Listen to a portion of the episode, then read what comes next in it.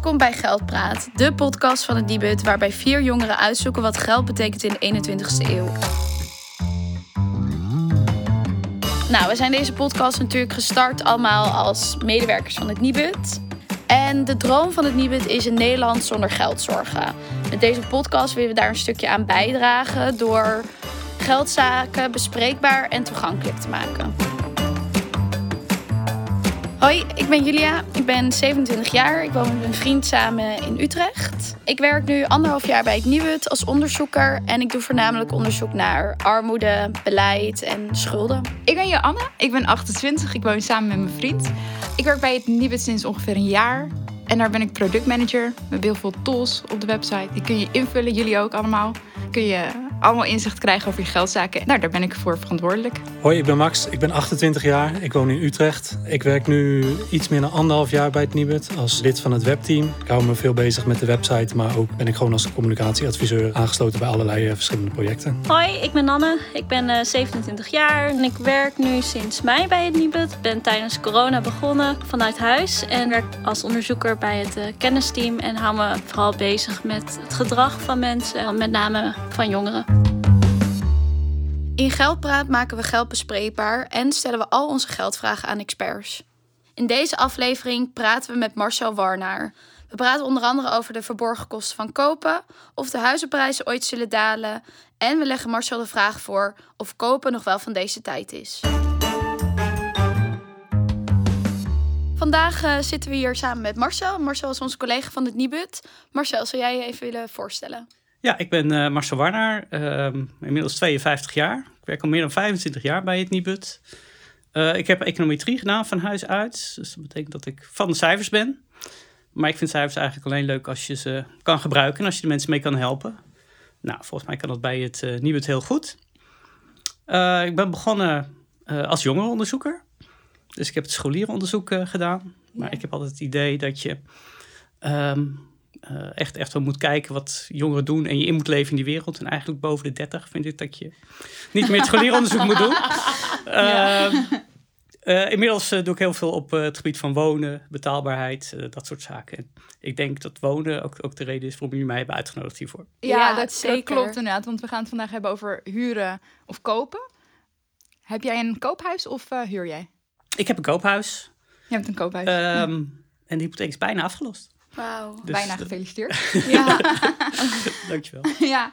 Uh, Julia, ik denk dat jij ja, huurt. ik huur. Ja, ja. ja. als starter in de Randstad uh, ja. Uh, huur ik nu. Ja. En jij? Ja, nee, nee, ook natuurlijk. Ja. En dan komen we denk ik meteen op de centrale vraag van de aflevering. Misschien kan Marcel die beantwoorden. Marcel, is kopen eigenlijk nog wel van deze tijd? Um, nou, wat, wat je ziet volgens mij is, is dat we ja, als Nederlanders best wel cultureel gevormd zijn dat kopen het ideaal is. Ja. En volgens mij word je ook mee doodgegooid, zeg maar. Je kan geen commerciële tv aanzetten. Of het gaat over wonen, een koophuis. Hoe kan je het mooiste inrichten? Um, hoe krijg ik zelfs nog een woonhuis als ik helemaal weinig geld heb? Dus mhm. dat wordt echt cultureel wel een beetje ingeramd, zeg maar, bij Nederlanders. En we hadden, een paar jaar geleden hadden we een aantal buitenlandse studenten over de vloer. Um, en daar hadden we eigenlijk de opdracht gevraagd van... joh, kan je eens uitzoeken hoe je uh, sparen kan stimuleren voor jongeren... dat ze want je hebt toch wat spaargeld nodig om een eigen huis te kopen.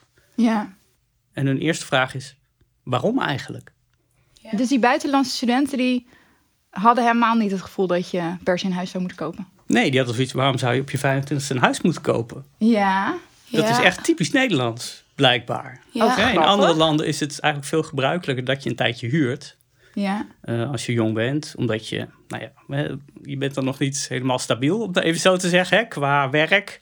Ja. Uh, qua relatie misschien ook. En op dat moment is de flexibiliteit van huren eigenlijk veel prettiger dan dat je een koophuis uh, achter je aansleept, om het wijze zo te zeggen. Want nou, je ziet vooral dat uh, huurders, dat zijn vooral alleenstaande. Ongeveer twee, van de, twee oh. derde van de huurders zijn alleenstaand.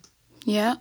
Dus um, conclusie, of eigenlijk, je kunt alleen maar kopen als stel? Is dat... Nou, ik weet niet of het kan is. Het is misschien ook willen. Oh, okay. Heel veel van, van de huurwoningen zijn toch wat kleiner. Ja. Het zijn vaak appartementen. Hm. Nou, dat is voor een alleenstaande denk ik prima. Maar als je denk ik, een gezin met kinderen krijgt, ja. dan wordt dat voor huurwoningen waarschijnlijk al gauw te klein. Wil je misschien iets groters. En, en wat grotere huurwoningen, die zijn er maar echt heel beperkt. Ja. Dus dan is het natuurlijk al gauw ehm, te kijken van ja, ik wil een, een rijkshuis met een tuintje of, of iets groots waar de kinderen in groot komen. Ja, dan ga je al vrij snel naar de koop. Ja. Want wat vind jij ervan dat het eh, kopen nu met name wordt gestimuleerd? Nou, k- op zich denk ik dat dat wel heel goed is. Hè? Dus de, de huizen worden er beter van, die wijk wordt er mooier van. Dat Je bouwt zaken. vermogen op. En je bouwt misschien vermogen op. Maar goed, dat is het financiële stuk wat, wat daarin zit. En dat, hè, dat is ook, daardoor is het ook gestimuleerd. Hè? Dus In feite is dat een stimuleringsmaatregel. eh, wa- waardoor je vermogen opbouwt daarin. Ehm, maar het is natuurlijk, dat is eigenlijk altijd een afgeleide. Hè? Waar, het eigenlijk om zou moeten gaan is, eh, wat, wat vind je zelf prettig? Ja. Vind je dat flexibele van het huren, Ja. vind je dat prettig? Of wil je juist, nou ja, met, met een koopwoning kan je natuurlijk je eigen stijl eraan brengen. Hè? Dan kan je mee doen wat je wil, bij wijze van spreken. En dat is natuurlijk ook eh, prettig. En, en ja, ik vind eigenlijk dat dat de reden zou moeten zijn of je huurt op koop. En niet dat dat financieel of fiscaal gedreven zou moeten worden, wat het, eh, wat het nu is. Ja, precies. Dat wilde ik inderdaad vragen. Want misschien voelt het nu voor veel mensen bijna niet meer als een keuze. Dan zou je misschien als starter wel willen kopen. Maar dan denk je, ja, ik wil wonen en werken eigenlijk nu in Amsterdam. Ik ben alleenstaand. Dat kan je dan eigenlijk bijna niet kopen.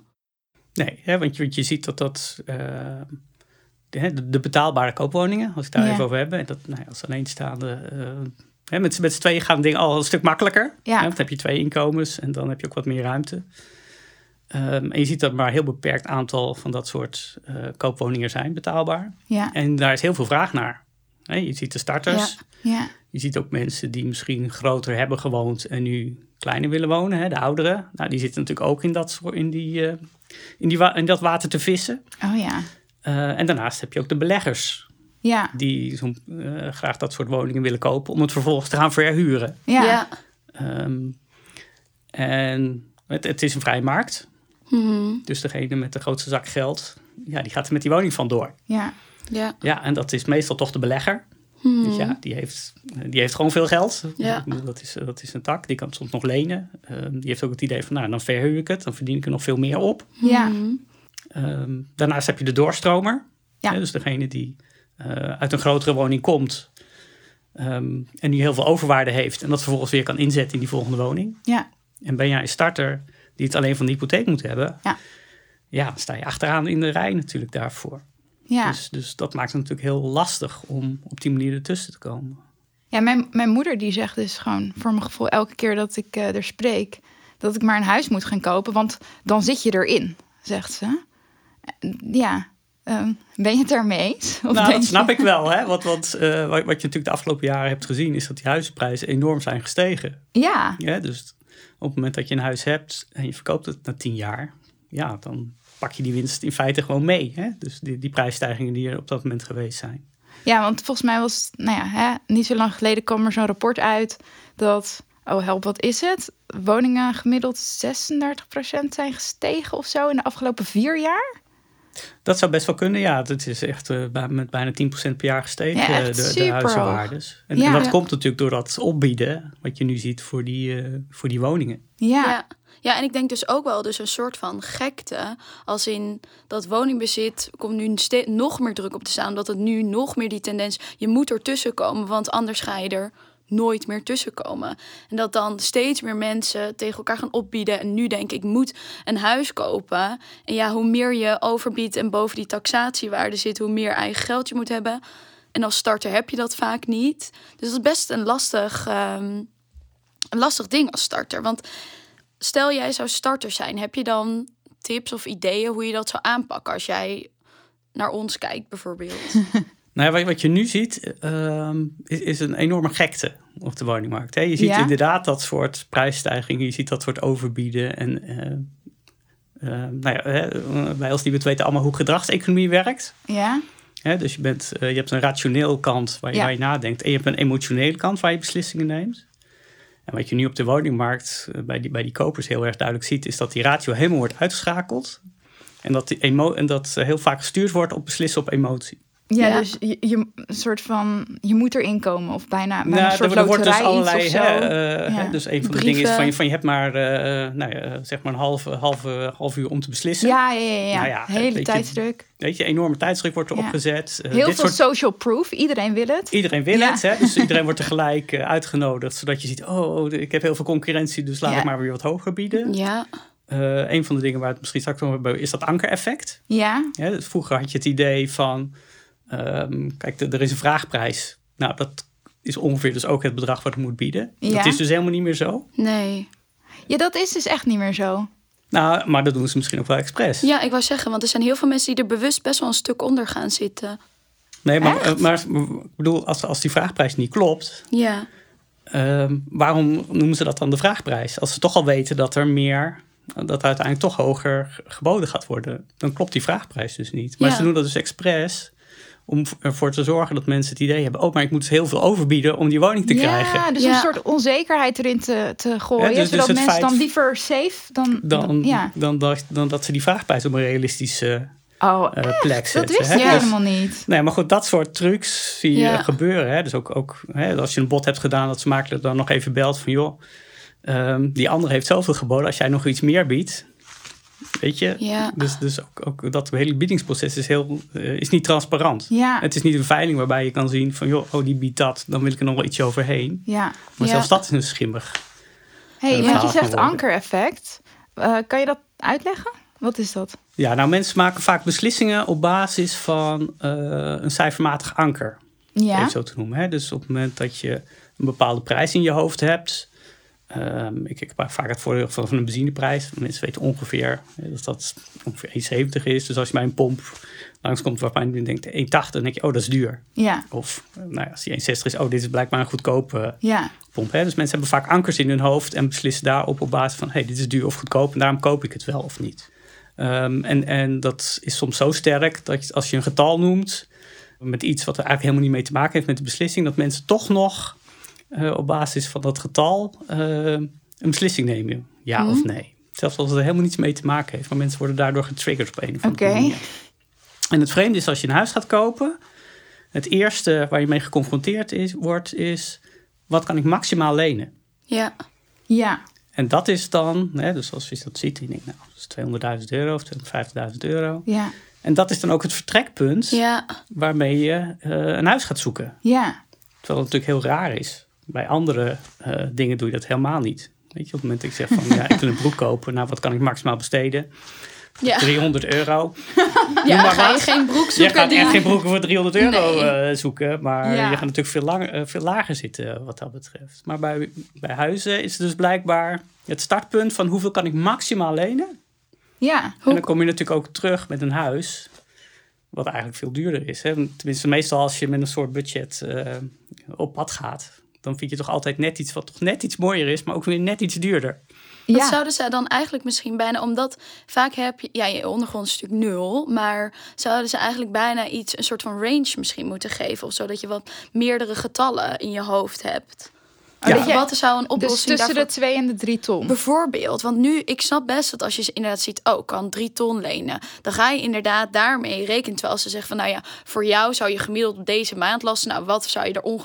Dat ze vanuit dat vertrekpunt rekenen. Bijvoorbeeld op, misschien meer gebaseerd op maandlasten. Of een soort van min-max bedrag of zo. Of hoe zie jij dat? Ja, we hebben er vorig, vorig jaar ook een onderzoek naar gedaan. Van bestaat dit effect nu? Hè? Want dat is natuurlijk theoretisch. En je Oh, zag ja. bij, bij alle onderzoeken eh, die we gedaan hebben, we hebben drie of vier experimentjes gedaan, dat inderdaad mensen dat ankereffect heel duidelijk was. Hè? Op het moment dat je dat bedrag gaf, dan gingen ze ook op een andere manier op funda zitten kijken naar huizen. Oh, dus Ja. je hebt gewoon gekeken naar... Nou, eh, En we hebben dus voorbeeld ook een aantal eh, alternatieven voorgesteld. Hè? Dus Ja. wat je zegt, met een range bijvoorbeeld. Oh, ja. Of met eh, een, een persoonlijk passend bedrag ernaast Ja. zetten. Ehm, en soms werkte dat wel, soms niet. Dat was best wel eh, wisselvallig. Eentje die in het begin wel goed werkte, maar later toen hem uitwerkte ook niet was. ehm, eigenlijk om mensen zelf te laten nadenken van waarom zou dit bedrag voor mij te hoog zijn? Ja, En dan zelf dus een aantal redenen verzinnen van... eh, nou ja, sommige mensen hebben zoiets van... ja, maar ik wil ook nog eh, hobby's doen of op vakantie... of als ik straks kinderen krijg of wat dan ook. Weet je, op het moment dat mensen Ja. daar zelf over nadenken... zag je dat het ankereffect wel een stukje eh, kleiner Oh, wordt. ja. Oh ja. Maar goed, dat is natuurlijk heel moeilijk om dat in een tool in te gaan zitten bouwen. Ja. Van schrijft u zelf nu maar eens even op. Dus we hebben ja. dat op een aantal andere manieren geprobeerd. Het wa- was niet heel eenduidig wat eruit kwam. Je zag wel dat het ankereffect wel wat sterker was bij lagere inkomens. Oh ja. En wat minder bij de hogere inkomens. Maar Ja. komt dat dan, want ik herken het heel erg. Ik, eh, nou, hè, ik zit dan te kijken en dan denk ik van, nou, hoeveel kan ik eigenlijk lenen? En omdat dat niet zo heel veel is, ik heb bijvoorbeeld ook nog studieschuld, ga ik altijd ontzettend aan de bovenkant van dat bedrag zitten. Want ja, eh, toch? Ik, ik Ja, wil misschien toch een ook huis. En die huizen zijn heel erg hoog. En mijn leencapaciteit is gewoon niet zo hoog. Maar ik wil misschien wel een huis. Zou dat een verklaring zijn voor eh, dat, dat het lagere, dat die wat sterker reageren op het ankereffect? Ik bedoel, als ik zes ton zou kunnen lenen, dan zou ik kunnen denken, oh, maar wil ik dat ook? Maar ja, dat kan ik niet lenen. Nee, dat klopt. Hè. Dat is natuurlijk een van de redenen van, van ja, je kan nog wel een lagere hypotheek willen, maar dan krijg je sowieso Nee, geen huis. niet Dus, dus ik snap heel goed dat, dat je dan inderdaad wel wat aan, de- aan die bovenkant eh, gaat zitten. Ehm, en dat is op zich niet erg. Ja, want want eh, nou, wij als het maken, die, eh, die verantwoorden eh maximale hypotheeklasten. En die zijn in principe ook wel verantwoord. Ja, Maar je moet wel realiseren dat dat wel het max is. Ja, Ja, dus Ja. eh, het, het is niet zo dat je eh, op het moment dat je eh, zeg maar 1 euro meer leent, dat je meteen in de financiële problemen komt. Zo maken we die normen dan ook Nee. weer niet. Ehm, want het leven moet nog wel een beetje leuk blijven. Ja, dus kan je je, kunt kan je nog niet vakantie. dat, precies, je kan dan nog op vakantie en misschien kan je met een wat hoger inkomen ook nog een autootje rijden. Eh, want het is nu niet realistisch om mensen zeg maar 30 jaar lang echt op een minimum te, te laten Nee. zitten. Hè? Want een hypotheek gaat natuurlijk 30 jaar mee. En nou ja, zeker in het begin kan ik me voorstellen dat je een keer een vakantie overslaat, maar dat ga je niet 30 jaar volhouden. nee. Over het ankereffect gesproken. Nanne test dit op ons uit met een experimentje. In Nannes Geldlab ga ik elke aflevering op zoek naar de wetenschap achter ons geld. Oké, ik ga jullie allemaal apart een vraag stellen om het ankereffect te demonstreren. En eh, ik begin met eh, Julia. Ja. Ehm, toen Gandhi overleed, ehm, was hij jonger of ouder dan 144 jaar? Gandhi. Poef, eh, ik zou zeggen jonger. Hoe oud was hij? Toen hij overleed? Ehm, 105? Oké, dankjewel. Oké, Johanna, ik heb een korte vraag voor jou. Hoe oud was Gandhi toen hij overleed? Eh 60? Oké, dankjewel. Oké, Max, nu heb ik voor jou ook een vraag. Hoe oud was Gandhi toen hij overleed? Eh, geen idee. Je moet iets schokken. 73? Oké, dankjewel. Nou, ik heb aan jullie allemaal gevraagd hoe oud Gandhi was. Alleen aan Julia vroeg ik als eerste, was hij jonger of ouder dan 144 jaar? Dat slaat natuurlijk niet echt heel ergens op. Maar door die eerste informatie die je binnenkrijgt, ga, dat is zeg maar sturend voor het antwoord wat je geeft. Dus Julia gaf ook een hogere leeftijd op 105 dan Wow. bijvoorbeeld Max, die zat ergens in de 70, zeg maar. Dus ook al krijg je informatie als eerste, eh, wat ja, niet heel erg bepalend eigenlijk is voor het antwoord wat je later moet geven, toch heeft dat een sturend effect op je, op je gedrag. En dat zie je dus bijvoorbeeld ook in de hypotheekwereld. Ehm, want mensen die bijvoorbeeld het maximale hypotheekbedrag eerst krijgen te zien en daarna een bedrag wat eh, meer gepast is, bij een eh, inkomen bijvoorbeeld, gaan ze toch veel meer kijken naar hogere huisprijzen. En op voorhand naar duurdere huizen gaan kijken. En ook ja, dat je ook ehm, vaker de intentie hebt om duurdere huizen te gaan bezoeken. Ja. Dus in, zo op die manier heeft informatie die op het eerste gezicht niet heel erg bepalend lijkt te zijn, heel veel invloed kan dat hebben op bijvoorbeeld het kopen van een huis. En hoe oud is Gandhi geworden? Eh 79. Goeie gok van mij. Ja, dus Max had heel goed. Maar jullie hadden helemaal geen informatie gekregen. Nee. Nee. Nee, ik had alleen maar... Ja, oh, alleen maar Ja. ja. grappig. Ja, het is toch inderdaad wel dat je dan gaat denken... oh, dan moet het wel meer daar in de buurt zitten dan... Ja, klopt. Wel, hoe realistisch is het dat iemand ouder is geworden dan of 144 is geworden? Ja, dat 105 is nog is al nooit vrij gebeurd. extreem. Nee. Dus ja, eigenlijk is het een hele makkelijke vraag. Ja. Ja, klopt. Ja, precies. Maar de vraag werd aan mij gesteld... Hij was 144, klopt dat denk je? Nee. En dan hoeveel dan? Toen werd het 105. En dat is al, zeker, dat is al vrij onrealistisch. Maar goed, dat zou kunnen. Ja. Ja. In zijn verlichte staat misschien. ja. Oké, Oké, en nu gaan we terug naar het gesprek met Marcel. Kan je iets meer vertellen over die risico's als je maximale hypotheek neemt? Ja, kijk, in principe heeft een hypotheek twee soorten risico's. Uh, het eerste risico is dat je uh, de maandlasten niet meer kan betalen. En het tweede risico is dat je uh, op het moment dat je het huis moet verkopen, dat de waarde lager is dan de hypotheek die je nog hebt. Ja, en dat je dus- met een restschuld blijft zitten. Ja. Nou is het op zich niet eens zo erg als je één van die twee dingen eh, gebeuren. Ja. op het moment dat je eh, zeg maar de maandlasten niet meer kan betalen, maar nog wel overwaarde in de woning hebt, Ja, dan verkoop je gewoon. dan verkoop je gewoon de woning. Ja. Los je de schuld af. Ja, Moet je wel wat anders zoeken en dat is ook heel moeilijk. Hè? Ja. Maar, Maar in principe eh, is Ja, dat klaar. ja. Het andere probleem is ehm, dat je misschien eh, onder water staat, zoals dat heet. Hè? Dus Ja. dat je hypotheek hoger is dan de waarde van ja, de dan woning. verkoop je gewoon niet. Maar zolang je gewoon die maandlasten kan blijven betalen, Ja. is er op zich ook niks aan de hand. Want je betaalt gewoon die maandlasten. Ja. En de bank gaat niet lopen zeuren. Dus ja, eh, wat dat betreft kan je gewoon doorgaan tot op een gegeven moment het ding misschien wel boven water staat. Dus het probleem is eigenlijk alleen als ze alle twee zich voordoen. ja. Ja. Dus je kan en de maandlasten niet betalen. En je kan het huis eigenlijk niet verkopen, omdat je een restschuld hebt. ja. Nou, Of tenminste, nou ja, dat is moeilijk om dat ding te verkopen, want dan hou je daarna nog een restschuld. Ja, en blijft precies. de Ja. bank je achtervolgen. Ja. Ja, precies. Ja, Ja. en ik denk misschien met ver- verkoop van de woning eh, zit er natuurlijk ook wel een stukje, als we het dan net hadden over emotionele, eh, emotionele kant en rationeel, dan kan je misschien je maandlasten niet betalen, maar dan denk je, ja, ik blijf maar zo lang mogelijk het proberen om er toch iets van te maken. Want ik wil mijn huis, waar ik misschien al 10, 15 jaar in woon, niet zomaar direct verkopen. En dan heb je misschien mensen die toch wel heel lang hun maandlasten niet kunnen betalen. Nou, dat klopt. Hè. Kijk, wat, wat we ook, ook wel zien bij schulden is dat zeg maar, de hypotheeklasten, dat is eigenlijk eh, zeg maar, degene die altijd nog betaald blijft worden. En mensen laten vooral andere rekeningen liggen, eh, ontzien Ja. zich van alles en nog wat. Maar, dat eigen, maar die eigen woning, ja, die willen ze natuurlijk zo lang mogelijk behouden. Ook al omdat het natuurlijk heel lastig is om zo'n restschuld te krijgen. En nou ja, uiteindelijk moet je dan ook weer wat anders gaan zoeken. Dus Ja, dat, dat blijft natuurlijk de, degene die het, eh, het langst betaald ook worden. Daarom zie je op zich best wel weinig problemen. Ehm, kijk, in, in Nederland is het zo geregeld. ehm, banken moeten dus toetsen op beide eh, risico's. Ja. Ja, dus ze moeten toetsen dat de, de hypotheekhoogte eh, niet hoger is dan de waarde van de woning ja. bij Ja. het begin. Ja. Dat was vroeger anders. Hè? Vroeger mocht je tot 120% van de waarde Oh van je woning mocht je lenen. Dus begon je al met een soort restschuld. En kijk, normaal gesproken denk je, oh, maar die huisprijzen stijgen zo hard. Ja. Daar ben je snel van af. Maar goed, in de vorige crisis hebben we gezien dat Ja. dat ook wel eens 20% naar beneden kan gaan. Ja, en dan Ja, zit je en- opeens 40%. en, dan zit je opeens wel. En als je dan je baan Ja. kwijtraakt en je kan niet meer betalen, dan... Heb je een groot dan probleem. hè, dus er zijn echt best wel toen mensen die met zo'n restschuld inderdaad bleven zitten. ja. En de tweede toets is doen is dus op het inkomen.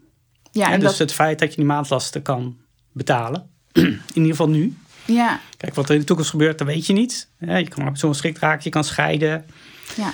Ja, als je daar allemaal rekening mee wil gaan houden dat dat nooit gebeurt, dan kan je eigenlijk nooit een hypotheek verstrekken. Nee. En dat soort risico's. Nee, het is gewoon dat, een dat, risico dat is een risico wat je, wat je ja. maakt. Maar in principe toetsen we nu of je dat inkomen, of je genoeg inkomen hebt om de maandlasten die daarbij horen te kunnen betalen. Ja, Ja, wat mij, wat mij elke keer opvalt is, eh, tenminste dat, dat zegt men, eh, dat ehm, nou ja, mensen hebben dan inderdaad een hele hoge hypotheek, hè? of tenminste bovenaan hun, hun anker, zeg maar.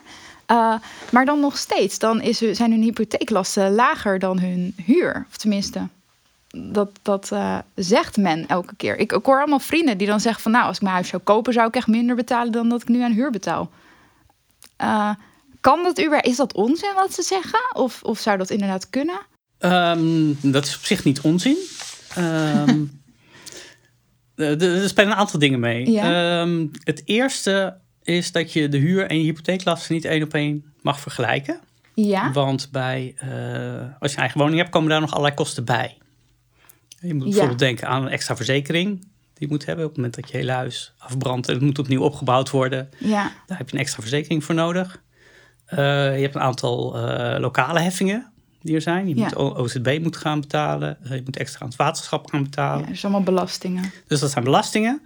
Eh, maar de grootste post is ook het onderhoud waar je dan zelf verantwoordelijk voor bent als je een eigen Hmm. woning hebt. Ja. ja als het eh, dak instort, dan ben ik als huurder niet verantwoordelijk. Maar als koper moet je het zelf betalen. Ja, en niet alleen als het instort, maar wat je eigenlijk wil is dat het niet instort. Ja. Dus, dus Ja. dat je op tijd Ja. eh, zeg maar dingen eh, regelt dat dat niet gebeurt. Ja, Hè? Dus ja, eh, ja. nou ja, als je 30 jaar in die woning zit, dan moet je inderdaad misschien wel eens een keer alle dakpannen vervangen. Ja. Eh, ik denk ook dat je niet 30 jaar lang met dezelfde keuken of dezelfde badkamer wil gaan doen. Dus die moeten ook allemaal een keer vervangen worden. Nou, als je daar een beetje een schatting voor maakt, Ja. wat dat zeg maar aan bijkomende kosten geeft, moet je ongeveer per maand eh, rekenen op een promiel. Dus dat wil zeggen dat je even drie nullen van de waarde van de woning af moet halen. Dus bij een woning van drie ton Ja, moet je ongeveer nadenken aan ongeveer 300 euro per maand dat is veel aan extra kosten nog. die er dan bij komen.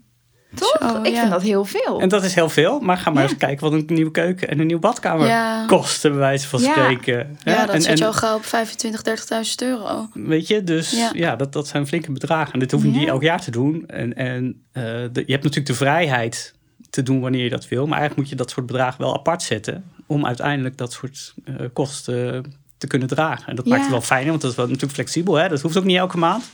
Maar het moet wel een keer gebeuren. Dus je moet er wel rekening mee houden dat je dat soort kosten hebt. Ja. En als je zo'n vergelijking maakt. hey, huren eh, is inderdaad misschien wel wat duurder. Maar als je die bijkomende kosten erbij telt. Ja. dan valt het misschien eigenlijk nog wel mee dat, eh, dat verschil wat je daarin best wel betaalt. dicht bij elkaar. Dan kom je misschien wel dicht bij elkaar. Kijk, en particuliere verhuurders, die gaan ook niet zo. Die doen ook een inkomenstoets. Ik weet niet of jullie dat hebben eh, meegemaakt Ja. toen je gingen huren. Toen moest je ook je inkomensgegevens laten nee, zien. ik hoefde dat niet. Ik hoefde dat toevallig ook niet, maar we hebben wel op huizen gereageerd waar je dan inderdaad bijvoorbeeld vier keer de huur Ja. of zo moest verdienen. En dan Ja. vaak ook nog eens datzelfde bedrag aan, eh, hoe heet het ook een weer? borg of zo moest doen. hè? Juist, Ja, als borg moest betalen. dat Dat, klopt. Ja. dat je denkt van ja, kijk, het, gelukkig konden ad, kun- kunnen wij dat met ons inkomens. Maar dat was dan echt op een huur van bijvoorbeeld 1200 euro. Ja. En dan, nou ja, dat was dan al, vind ik al best wel een hoge huur. En dan als je dat nog eens vier of vijf keer moet verdienen, dan heb je wel een hele kleine groep die daarvoor in aanmerking komt. Precies, hè? want we hebben inderdaad die, die normen. Want elke verhuurder heeft zijn eigen normen en ideeën Ja. daarvoor. En die hebben we wel eens naast elkaar gelegd. Naast zeg maar, de norm voor hypotheken. Ja. En dan ook zeg maar, nou ja, zeg maar netjes die kosten dus eh, Ja. er, erbij geteld. En dat bleek helemaal niet ver af te wijken van, eh, van die hypotheeknormen. Ja. Ja, dus ook Oh, zo'n verhuurder, ja, zeker als hij wat hogere huur vraagt, ja, die wilde ook niet iemand inzetten die heel laag inkomen heeft. Want dan weet hij eigenlijk zeker Ja. dat dat misgaat. Ja. dus daarom doen, doen die ook zo, dat soort inkomenstoetsen. Ja. bij hypotheek is het allemaal iets strikter. Ja, daar, daar kijken ze ook naar wat voor schulden je verder nog hebt en of Ja. je studieschulden hebt. En die, ze zijn natuurlijk ook heel keen op of je inkomen echt bestendig is. Ja. Ja, dus, eh, en, en, en verhuurders zijn dat wat minder. En die Ja. kijken niet naar dat soort dingen. En die zijn ook wat makkelijker op het moment dat je een flexibel inkomen hebt. Ja. Maar qua hoogte zijn die toetsen best wel vergelijkbaar eh, daarin. Moet de overheid niet gewoon minder doen? Gewoon het laten oplossen. Want ik kan me goed voorstellen, als jij dus zegt van nou, hè, we doen bijna geen regels meer, dat het dan zichzelf oplost. Want ik kan al geen woning meer kopen, dus mijn vraag is al afgenomen, zeg maar. En, en van, van veel mensen om me heen. Dus dan gaat vanzelf, de vraag wordt minder. Dus dan, dan gaan ook de prijzen op een gegeven moment dalen, zou je denken. Of is dat te, te spannend? ja, maar ik denk nog wel, wordt de vraag minder of wordt de vraag uitgesteld? Nou, ik denk wel minder. Want ook als je nu kijkt naar. eh, hè, ik, ik zal niet zeggen eh, wie het zijn, want dan komen ze misschien in de problemen. Maar ik ken mensen die huren. En ehm, nou, die mogen maar met z'n tweeën erin wonen. Want hè, allemaal regeltjes tegen verkamering. Maar ja, zij kunnen gewoon hun huur niet betalen met z'n tweeën. En ze willen wel hier wonen. Dus zij wonen er stiekem met z'n drieën. Eh, vinden ze alle drie hartstikke prima. Ze wonen echt in een mooi huisje. Eh, maar ja, dan denk ik wel, waarom mag dit dan niet? Want als alle mensen zeggen, het zijn allemaal volwassenen, ja, dit wil ik. eh, nou ja, wat is het probleem dan? Nou ja, dat, dat zie je natuurlijk. Hè. Die woningmarkt is aan de ene kant een stuk vrij. Aan de andere kant zijn er allemaal regels Ja. die dingen beperken. Hè. Ja. Dus, dus wat je natuurlijk ook ziet, is, is ook in de bouw. Hè. Dus Zeker. inderdaad, daar zijn natuurlijk ook allemaal regels van... ja, maar we willen niet dat het hele natuurschoon wordt volgebouwd... met Ja. van alles en nog wat. En, en Ja, je dus- snapt het. En dat snap ik ook wel weer. Hè? Dus, dus het is best wel eh, laveren tussen eh, wa- wa- wat, wat laten we over aan de markt en, en waar grijpen we wel in. En je ziet dat dat nu best wel een kluwe is, waardoor Ja. je dit soort dingen inderdaad krijgt. Kijk, wat je ook niet wil is zo'n ongebreidelde hypotheekverstrekking. Nee. Waarbij Nee. je dus inderdaad het idee hebt van, eh, nou laten we die regels maar loslaten en laten we het maar aan de mensen zelf overlaten wat, eh, wat zij denken dat geschikt is. Want ja, weet je, dat, dat is in Amerika eh, helemaal fout gegaan. Dat is ook misschien wel een van de oorzaken van die vorige crisis geweest. Ja. Dat daar hypotheken werden verstrekt aan mensen waarvan ze eigenlijk van tevoren al wisten dat die het niet konden betalen. Ja. Maar bij, bij zo'n bank eh, er eigenlijk op gokte van ja, maar dat huis wordt straks zoveel meer waard. Dan zet ik die mensen eruit en ik neem de, de, de overwaarde die, eh, die neem ik in. Maar ja, dat is waarschijnlijk Ja. ook niet de maatschappij waar je in wil leven. Hè? Dus, Nee. dus dat is best wel lastig. En wonen is natuurlijk toch een soort, hè, volgens mij staat het zelfs in de grondwet, een soort basisrecht. Ja. En je wil daar eigenlijk niet mee sollen, om zo te zeggen. Of dat hele grote groepen toch uiteindelijk helemaal geen woonruimte hebben. Weet je, als je dat aan de vrije markt overlaat, denk ik dat de huren alleen nog maar verder stijgen. Dus de groepen Ja. die echt een heel laag inkomen hebben, ja, die komen dan helemaal nergens meer. Hè? We hebben een soort sociale huurwoning, Ja. waardoor het toch nog enigszins mogelijk is dat die mensen toch tegen een betaalbare prijs, hoewel eh, nou, onze maatstaven nog steeds te hoog, eh, in ieder geval wel een huurwoning eh, kunnen krijgen. Ja, want als je dan inderdaad zegt van je kan helemaal geen woning meer kopen. Ik heb, wat ik ook wel lees soms, is dat bijvoorbeeld de stijging van het aantal daklozen ook heel erg gekoppeld wordt aan de stijging van de huur- en koopprijzen. Omdat ook de sociale huursector steeds meer ingeperkt wordt. En dat ik heb nu toch wel het idee dat er door dit beleid van de overheid toch wel voornamelijk dat liberalen en heel erg op één bepaalde groep eh, zeg maar zich richt qua voordelen en hele grote andere groep nu eh, daar totaal niks eh, van geniet van al die voordelen die er zijn op het kopen en op die huurprijzen. Dus ja, Ja, ja, maar dat is ook die tweedeling hè, waar, Ja. waar, waar je het dan over hebt. Hè. Op het moment dat je bij wijze van spreken rijke ouders hebt, ja, die- waardoor je geen studieschuld hebt, omdat zij veel betalen en er vervolgens ook nog een jubelton eh, aan aan jou kunnen schenken, waardoor jij toch makkelijker toch wel een koopwoning kan krijgen. Waardoor je dan weer de voordelen hebt van, van die waardestijging. Ja, dat is een heel ander verhaal dan als je niet zulke rijke ouders hebt en je studieschuld moet hebben. Ehm, en vervolgens eh, moeilijk eh, aan, aan zo'n koopwoning koopt. Hè? Dus, dus je ziet dat dat best wel. ehm, eh, moet ik zeggen, dat, dat die deling, zeg maar, die er aan het begin al was, dat dat eigenlijk bijna overerfbaar is. ja, Ja. Weet je, hè? want, want er, op het moment dat je rijke ouders hebt, dan is het voor jezelf ook makkelijker om vermogen op te bouwen.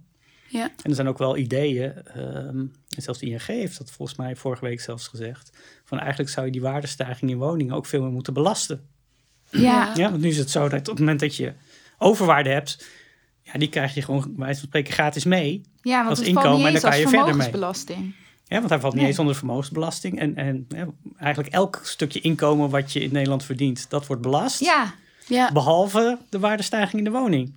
ja, Ja, dus ook daarvoor kan je bedenken van, nou ja, moet je daar ook niet een soort belasting op heffen op het moment dat je daar winst opmaakt. ja. ja, En dan om die tweedeling dan daar nou ja, halt eh, toe te roepen. Ja, maar ook om eh, vermogen zeg maar meer te belasten, Ja. waardoor je de- misschien het, eh, de, de inkomstenbelasting op zich kan verlagen. Ja. Waardoor je arbeid weer aantrekkelijker maakt. ja. Ja. En ik denk ook huisopkopers die ook nu wel vaak opkopen, opknappen en dan weer verkopen. Daar, dat zorg je dan ook dat daar een rem op komt te staan. Als je dat, die overwaarde niet zelf kan houden, die, houden, die waardevermeerdering. Dus hoef in ieder geval daar een stuk belasting over betaald. Ja, precies. weet je, Wordt dat- het dat- gewoon duurder. Dan, dan, ja. dan wordt het ook misschien wat minder aantrekkelijk om inderdaad wat te speculeren Ja. op, eh, op woningen. Ja. Dus, eh, Wat ik, wat ik altijd zo interessant vind, want inderdaad, eh, tweedeling, dus eh, nou ja, een beetje de kanslozen en de mensen met een huis. Waar, waar is de midden? Waar is het midden heen? Nou, je ziet dat 60% een woning heeft. Hè? Dus, dus de, de, de middengroep is de groep die net zeg maar wel een koopwoning eh, heeft. Hè? Als, je, als je hem netjes door, de- door de helft deelt. Ja. Ehm, maar dat wordt best wel lastig. Hè? Ik bedoel, jullie zijn allemaal hoog opgeleid. Ja. Jullie hebben moeite om een, om een, woning, om een koopwoning te vinden. Ja, Hè? Dat, Ja. dat, dat zegt wel iets. Weet je? Ja. Ehm, dus eh, zeg maar de groep die eh, nou, minder hoog opgeleid is, die heeft misschien nog wel veel meer problemen. Hè? Dan moet je inderdaad met z'n tweeën zijn en eh, echt wel een goed inkomen eh, hebben. En, en ook een bestendig inkomen hebben. Hè? Want hypotheekverstrekkers kijken vooral natuurlijk naar die bestendigheid van het inkomen. Hè? Een vast contract, dan, dan zit je wel safe. Maar dat wordt natuurlijk steeds minder het geval. Ehm, en je ziet dat eh hypotheekverstrekkers daar wel mee bezig zijn om te kijken of ze toch aan, aan mensen met een flexibel inkomen een hypotheek kunnen verstrekken. Hè? Als je Ja. perspectieven goed zijn en, en dat soort dingen. Ehm, maar dan nog blijft het een risico. Ja, Ja. Je ziet dat nu ook met corona, dat opeens een hele beroepsgroep eh, Ja. even geen inkomen heeft. Hoe doe je dat? Ja, dus, dus eh, er zijn nu masse betaalpauzes. Maar goed, die moeten uiteindelijk wel ingelopen worden. Ja. Dus, dus eh, banken zijn wat dat betreft wel flexibel. Maar dat is, uiteindelijk moet dat wel ingelopen worden. En, en daar zit ook nog steeds, hè, waar, waar ik soms ook wel voor pleit. Je moet dus nu zeg maar elke keer die hypotheek, die is elke maand even hoog. Hè? Het bedrag wat je betaalt. Mhm. Maar zou je dat ook niet wat flexibeler kunnen inzetten? Kijk, nu is het zo dat wil je hypotheekrenteaftrek krijgen, moet je ook aflossen. En wel volgens een bepaald schema. Ja. Hè, dus dat is helemaal vast. Terwijl het misschien prettiger zou zijn om te zeggen, nou, weet je, als ik nog geen kinderen heb, dan los ik even iets meer af.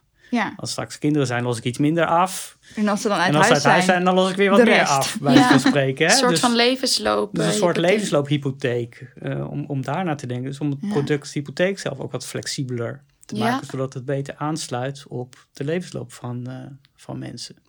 Maar goed, Ja. hè, zolang dat die, die, die aftrek er nog in zit, ehm, eh, is, is dat best lastig om zo'n product te ontwikkelen. Wat ik me nog afvraag. Ehm, de huisprijzen zijn nu super hoog. Eh, nou, starters staan helemaal achteraan, kunnen geen huis kopen. Die huisprijs moet gewoon een keer naar beneden, toch? Is er een reële kans dat eh, de huisprijzen ooit naar beneden gaan? en wanneer? kunnen we daarop wachten? Ehm, ja, je ziet, het, hè, tien jaar geleden, eh, als we dit interview toen gehad hadden, was het net andersom geweest. Ja, dat Ja. is waar. Toen was het van, oh ja, maar de, ik, eh, de, er zijn zoveel huizen en mijn huis staat onder water. Ja. En eh, ze zijn 20% gedaald. En eh, hoe, hoe moet het nu allemaal verder, bij wijze van spreken? En, en starters stonden, wijze van spreken, in de rij om, om een huis te kopen. tegen Ja. een lage prijs. Hè? Dus er zitten altijd pieken en dalen zitten daarin. Eh, dat is misschien ook wel een beetje het risico.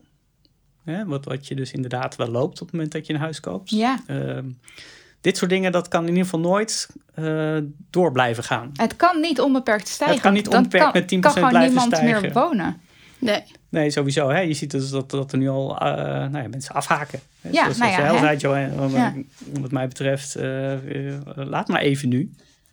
Hè? Dus, dus eh, zolang die in, hè, in feite zou het mee moeten gaan met zeg maar, de gemiddelde inkomensstijging. Zou ook de gemiddelde huiswaardestijging moeten zijn. En, en dit kan gewoon niet zo tot in de eeuwigheid doorgaan. Dus daar gaat on- ongetwijfeld een keer een correctie Ja. opkomen. En zeker als er dingen economisch tegen gaan zitten. Ja, weet je, dat, ehm wie weet gaat de rente een keer omhoog. Ja. Nou ja, Ja. dan heb je best kans dat dat, dat al heel veel... ja, want dan kan Eh. je ook minder lenen, omdat je maandlasten dan hoger Dan kan je minder lenen. Ja. En misschien wordt het dan voor beleggers ook wel interessant om niet meer in zo'n huis te gaan Mm. maar iets anders Ja. met hun eh, geld te gaan doen. Dus eh, dat, dat soort dingen zie je dan komen. Dus die trekken zich dan misschien terug uit die... eh, ja, en wij moeten dan wachten op dat optimumpunt van Ja. stijging en daling van huizenprijzen en stijging van de rente. En dan kopen. slag slaan. Ja, Ja. maar dat is altijd heel lastig om dat soort dingen te timen. Want je weet nooit van, oh ja, maar hij gaat nu misschien wel verder omhoog. Of dan zitten we nu op het hoogtepunt Ja, en gaat hij nee, nu naar beneden. zou- weet ik nu ook Nee, niet. Weet je? nee. En dat geldt. Ja, dat geldt je ook- zelf wel. eh, en dat geldt huis. ook voor de beurs. Weet je, misschien staan we nu op het hoogtepunt ever. Ja. Ja. En misschien gaat hij gewoon door. Weet je, Ja. dat... eh, eh, weet je, op het moment dat je dat weet, dan ben je gewoon rijk. Weet je, dat, Ja, dat is waar. Oké. maar jij schat dus de kans wel in dat die weer een keer naar beneden gaat. ja, ja, dat gaat ongetwijfeld een keer gebeuren. Want, want Ja. dit, eh, dit Ja, kan zo niet eeuwig in, in 10% blijven Nee. stijgen in ieder geval. Misschien dat het wel weer op een gegeven moment wat geleidelijker gaat worden. Ehm, en, en wat je nu ook ziet, is dat er ook heel weinig huizen op de markt zijn. Ja, want iedereen eh, die wil verhuizen, die gaat eerst... ehm, die gaat eerst proberen een nieuw huis te kopen. Ja. Ja, En dan gaat hij pas zijn oude huis in de verkoop zetten. Want hij weet daar eigenlijk toch wel kwijt. Ja. ja precies. Hè, dus, dus iedereen zeg maar, die wil verhuizen, die zet zijn huis nu ook niet te koop. Ja. Ja, want anders ja. heb je een probleem natuurlijk. is Want die het wordt super je een snel probleem. verkocht. Weet je, als je ja. het snel verkocht en oh ja, maar ik moet ook wel een nieuwe. ja, ja, ja. Hè, dus je ziet dat aanbod nu ook heel Allemaal laag verborgen aanbod, zeg is. Dus maar. misschien is er best wel verborgen aanbod. Wat op een Ja. gegeven moment wel weer eh, de markt op kan. Oké. Ja, dus zou je misschien bijna een beetje van, we hoorden het van, eh, net ook ergens van, er zou je bijna misschien een beetje van je netwerk moeten hebben, dat je weet dat iemand wil verkopen en niet de hoofdprijzen voor wil vragen, om het zo een beetje te gaan kopen. Want anders, als er zoveel verborgen ar- eh, aanbod is waarvan je geen weet hebt, Ja. Ja, precies. Maar, maar hoe trek je dat los? hè? Ja, dat, dat, dat blijft het lastig. lastige. Ja. Dat kan misschien uit de nieuwbouw zijn, waardoor mensen inderdaad Ja. op dat moment eh, gaan verhuizen. Maar ja, dat is natuurlijk ook niet heel veel. Of inderdaad, dat, ja, weet je, als mensen toch. Kijk, dat is natuurlijk een van de dingen die corona ook wel met zich mee heeft gebracht. Dat mensen wel meer emotionele waarde aan het huis Hmm. hebben. Want je werkt natuurlijk heel veel vanuit huis. Dus je wordt er veel meer mee geconfronteerd met hoe leuk of hoe vervelend Ja. het huis is, om het zo te zeggen. Dus je ziet dat mensen ook wel aan het kijken zijn naar ruimere woningen. Heb ik het idee. Ja. Weet je, als je met Oh, z'n ja. tweeën zit en je bent met z'n tweeën aan het werk en dat is allemaal lastig tegelijk.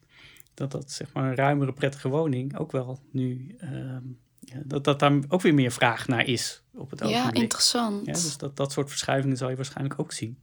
Ja. Aan de andere kant het feit dat je misschien ook weer veel minder hoeft te reizen naar kantoor. Ja, dat je als je vanuit huis blijft werken, dat die reisafstand of hoe dichterbij je bij eh, je werkplek zit, dat dat misschien ook wel minder is. Dus dat je misschien ook wel wat verder van Ja. werkplek af kan wonen. Ja. Wat misschien ook wel weer de druk in de Randstad er misschien wel een beetje af weer kan halen. Geldpraat op straat. Ik ging de straat op en ik vroeg... Is een huis kopen nog wel van deze tijd? Nee, daar heb ik het toevallig eh, gisteren over gehad met een vriend. En eh, een huis kopen is niet voordelig in deze tijd. En dat, eh, dat zou ook niet eh, een doel moeten zijn. Nou, ik vind wel dat de laatste tijd wel echt gigantisch duur is geworden. En dat als ik denk, want ik ben nu 17, dat als ik bijvoorbeeld 20, 25 ben, dat ik dan gewoon bijna geen huis meer kan kopen. Ja, maar het is wel voor heel veel mensen heel lastig. Weet je, ik heb zelf bijvoorbeeld een enorme studieschuld. Nou ja, dan kan je een garagebox ergens kopen. Ik denk het wel.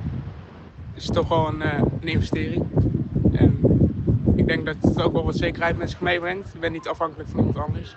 Wat zijn bijvoorbeeld voordelen van eh, huren ten opzichte van kopen? Dat je, dat je nergens aan vastzit voor een eh, hele lange tijd. En dat je met het geld zelf kan bepalen waar je dat dan wel in gaat stoppen. Als je een huis gewoon helemaal koopt, wat echt helemaal van jezelf is, misschien dat je dan eh, soms meer lasten eraan hebt dan dat je een huis huurt. Want dan heb je meestal een bepaald aantal geld wat je moet betalen in een maand. En bij, als je zelf een huis koopt, heb je dat, is dat heel verschillend. Hey, ik denk niet dat daar voordelen voor zijn. Ik denk dat het vooral heel makkelijk is. Ik denk huis kopen ben je over het algemeen minder geld per maand kwijt dan huren. Want huren, die huren gaan ook eh, flink eh, overal doorheen, zeg maar. Hey, de hoofdvraag van eh, deze podcastaflevering is: Is kopen nog wel van deze tijd? Heb je daar een, eh, een mening over? Ja, aan de ene kant vind ik dat een hele, hele grappige vraag. Want je ziet bij heel veel andere dingen dat bezit ehm, eigenlijk helemaal niet meer zo interessant Deelauto's, Je hebt een deelauto's, deelfietsen, abonnementen, we leasen, van alles en nog wat. Ja, Maar bij kopen of bij een woning, weet je, als je, eh, ik lease een woning, nou dat klinkt toch wel geweldig, hè? Maar in feite huur je dan gewoon. Ja. hè? Dus, dus, eh, dat is ook wel een beetje hoe je, hoe je dat soort dingen framed, eh, Ja. wat Ja, dat betreft. ja, ja. Hè? Ja, een huizenabonnement inderdaad. Maar ja, dat heb je al ik, ik bij heb huur. een abonnement op mijn huis hoor. Ja, Weet je, ja, als je het zo Ja. noemt, dan, dan klinkt het alweer heel wat, eh, wat anders eh, eh, wat dat betreft. Hè? En dat is ook misschien, weet je, alles wordt flexibeler. Dus waarom dit ook niet? Ja? Ja, je ziet dat er heel veel dingen inderdaad nog dat financieel gedrevene, dat fiscale, van oh, dan heb ik heel veel aftrek Ja, en, en misschien bouw ik vermogen op. Maar ja, hè, wat ik zeg, volgens mij is, moet dat niet de basis zijn van wat je wil. Weet je, het gaat erom om, om dat je prettig woont, dat je Ja. nou ja, eh, woondiensten afneemt, om maar even zo, Ja. zo te zeggen. En, en dat zou leidend moeten zijn met, eh, met hoe je dat wil. En vind je het heel fijn om flexibel te zijn, dan zou ik echt vooral huren. Ja. Maar wil je wel iets standvastigs? Ben je gezetteld? Denk je van ja, maar dit is ook een plek waar ik ook echt een aantal jaar wil wonen. Ja, dan, dan is ook niks tegen, niks tegen kopen. Zo te Ja. zeggen. Hè? Dan is het gewoon heel prettig om dat dan ook te doen. En, en ook de aanloopkosten, hè, de bijkomende kosten die je ook hebt met überhaupt verhuizen en de notariskosten en de hypotheekkosten en dat soort dingen. Want dat is natuurlijk ook al een paar duizend euro. Ja, Hm. weet je, dat, dat moet je ook op een gegeven moment wel weer terug zien te halen uit, de- uit de waardestijging. En als je elk jaar zeg maar een nieuw huis koopt, ben je ook elk jaar dat soort kosten kwijt. Dus, eh, dus ik denk dat, dat zeker dat soort dingen nog wel ervoor zorgen dat bezit van een woning nog wel interessant kan zijn. En nu zie je dus dat er heel veel mensen heel veel bieden. Dus heel veel Ja. geld kwijt zijn. Ja. Omdat ze ook emotioneel beslissingen nemen op het ogenblik. En daar zou ik voor pleiten om altijd even de rust te nemen. Hè. Dus ook eh, altijd die voorbehouden van financiering gewoon wel op te nemen als je dat allemaal niet zeker weet. Ook even over raken. En misschien betekent dat dat je even dat het langer duurt voordat je een woning krijgt, ook een koopwoning. Maar ik denk dat je er dan wel gelukkiger van bent Ja. met de uiteindelijke beslissing die je, die je dan neemt. Ja. Ehm, en dat hebben we natuurlijk ook wel vaker gezien. Dat juist door dat soort emoties inderdaad mensen veel meer eh, bieden, veel hogere kosten uiteindelijk voor hun neus krijgen. En, en dat het dan soms ook heel lastig is om die hypotheek rond te krijgen. Want wat ik zeg, dat maximum is niet voor niets een maximum. Nee. En zo'n bank gaat echt niet zeggen: Oh ja, je hebt toevallig een iets hoger huis of een duurder huis. Nee, dan moeten er nog allerlei 40.000 kunstgrepen. Dan. Ja. moet je, Ja. moet je dan toch voor zorgen om uiteindelijk dat huis te kunnen kopen. Hè? Dus dan moet je veel meer spaargeld erin doen. Of toch nog een lening bij je ouders. Of nou, weet ik veel wat je allemaal dan Ja, voor elkaar moet krijgen. Wat voor stress daar dan nog bij komt. Ja. Om uiteindelijk toch, eh, toch die woning te kunnen, te kunnen kopen. En, en dan duurt dat lang. Weet je, het is niet zo van ik ga nu eh, proberen een huis te kopen en ik heb het volgende week in huis. Maar trek daar dan gewoon ook een jaar voor uit, bij wijze van spreken, of anderhalf jaar. Zodat je ook goed kan vergelijken en ook het idee hebt van ja, maar dit is echt wat ik wil. Ehm, en op basis daarvan ook een, een, veel rationele beslissing te kunnen nemen. Op, op wat, je, wat je wel of niet wil. En je niet gek laten maken door de waan van de dag. Ja, dus jij bent eh, eigenlijk best wel positief. Nou, de grap is, ehm, vorig jaar wilde de Telegraaf een, een jaarserie maken. Waarin ze, geloof ik, 10 of 20 mensen wilden volgen die echt desperate op zoek waren naar een koopwoning. Ja. Ja. En die er gewoon twee jaar willen volgen om te kijken wat er allemaal mee gebeurt. Ja. Maar de drie kwart jaar moesten ze dat staken, want iedereen had een huis gekocht. Oh. Oh, dus het wa- was helemaal niet zo moeilijk. Dus het, het kost tijd. Maar uiteindelijk lukte het de meesten dus wel om er ergens tussen te komen. Misschien ook niet het droomhuis wat ze in het begin eh, in gedachten hadden, maar misschien, maar misschien wel een andere woning. Weet je? Dus dat is ook, ook een kwestie van blijven zoeken. Ja. En, en soms lukt het. of, of heel vaak lukt het zelfs. Weet je, uiteindelijk. Misschien niet de droomwoning die je in het begin voor ogen had, maar misschien wel een andere koopwoning. Ja, die, waar je misschien heel goed en rustig over hebt nagedacht. En uiteindelijk vanuit een rationeel eh, besef hebt gekocht. In plaats van dat je je koop, droomwoning hebt gekocht. Maar vervolgens zoveel hebt overboden dat je de hypotheek bijna niet rondkrijgt. Al je spaargeld hebt geplunderd. En opeens heel kwetsbaar bent. Financieel en, en, gezien. en dat je dus ook wat verder hebt gekeken dan in eerste instantie, weet je. Ja. Dan, dan maar niet in de binnenstad van Utrecht. Maar misschien Leidse Rijn of, eh, Ja. weet je, of, of in de dorpen leuk. daaromheen. Nou, anders. ja, anders. Nee, maar goed, het kan dan, dan misschien wel de oplossing zijn voor datgene wat je uiteindelijk, eh, Ja, en, waar, waar je nu nog helemaal niet over nadenkt. Van, Ja. oh, is dat misschien wel wat voor mij? ja, en als je zo graag in de binnenstad wil wonen, nou ja, dan moet je nog maar even huren.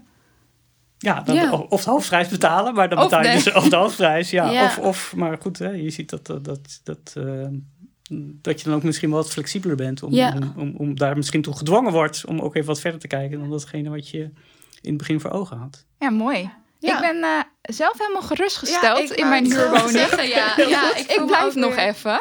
Ja. ja, ik denk dat het inderdaad vooral, vooral belangrijk is... waar word je zelf blij van? En dat je in ieder geval een bewuste keuze ergens voor maakt. In plaats van dat je je gek laat maken door iedereen die zegt... je moet nu een huis kopen, want anders is het te laat. Dat je denkt, wil ik dat? Hoe ziet mijn komende vijf jaar eruit? Wil ik dan nog naar het buitenland of iets anders Ja. gaan doen? En dat je daar vanuit daaruit die beslissing maakt. Dat vind ik wel een hele goede manier. Ja, nou, Ik denk dat we aan het einde van het interview zijn. ik denk het ook. Ja, Dankjewel Marcel. Nou, veel succes met Ja. de zoektocht. ja dankjewel. Thanks. Bedankt voor het luisteren naar Geldpraat. Wil je meer weten over dit onderwerp? Ga dan naar nibud.nl slash podcast. We horen graag wat jullie ervan vinden, dus laat vooral een reactie of rating achter. Tot de volgende keer.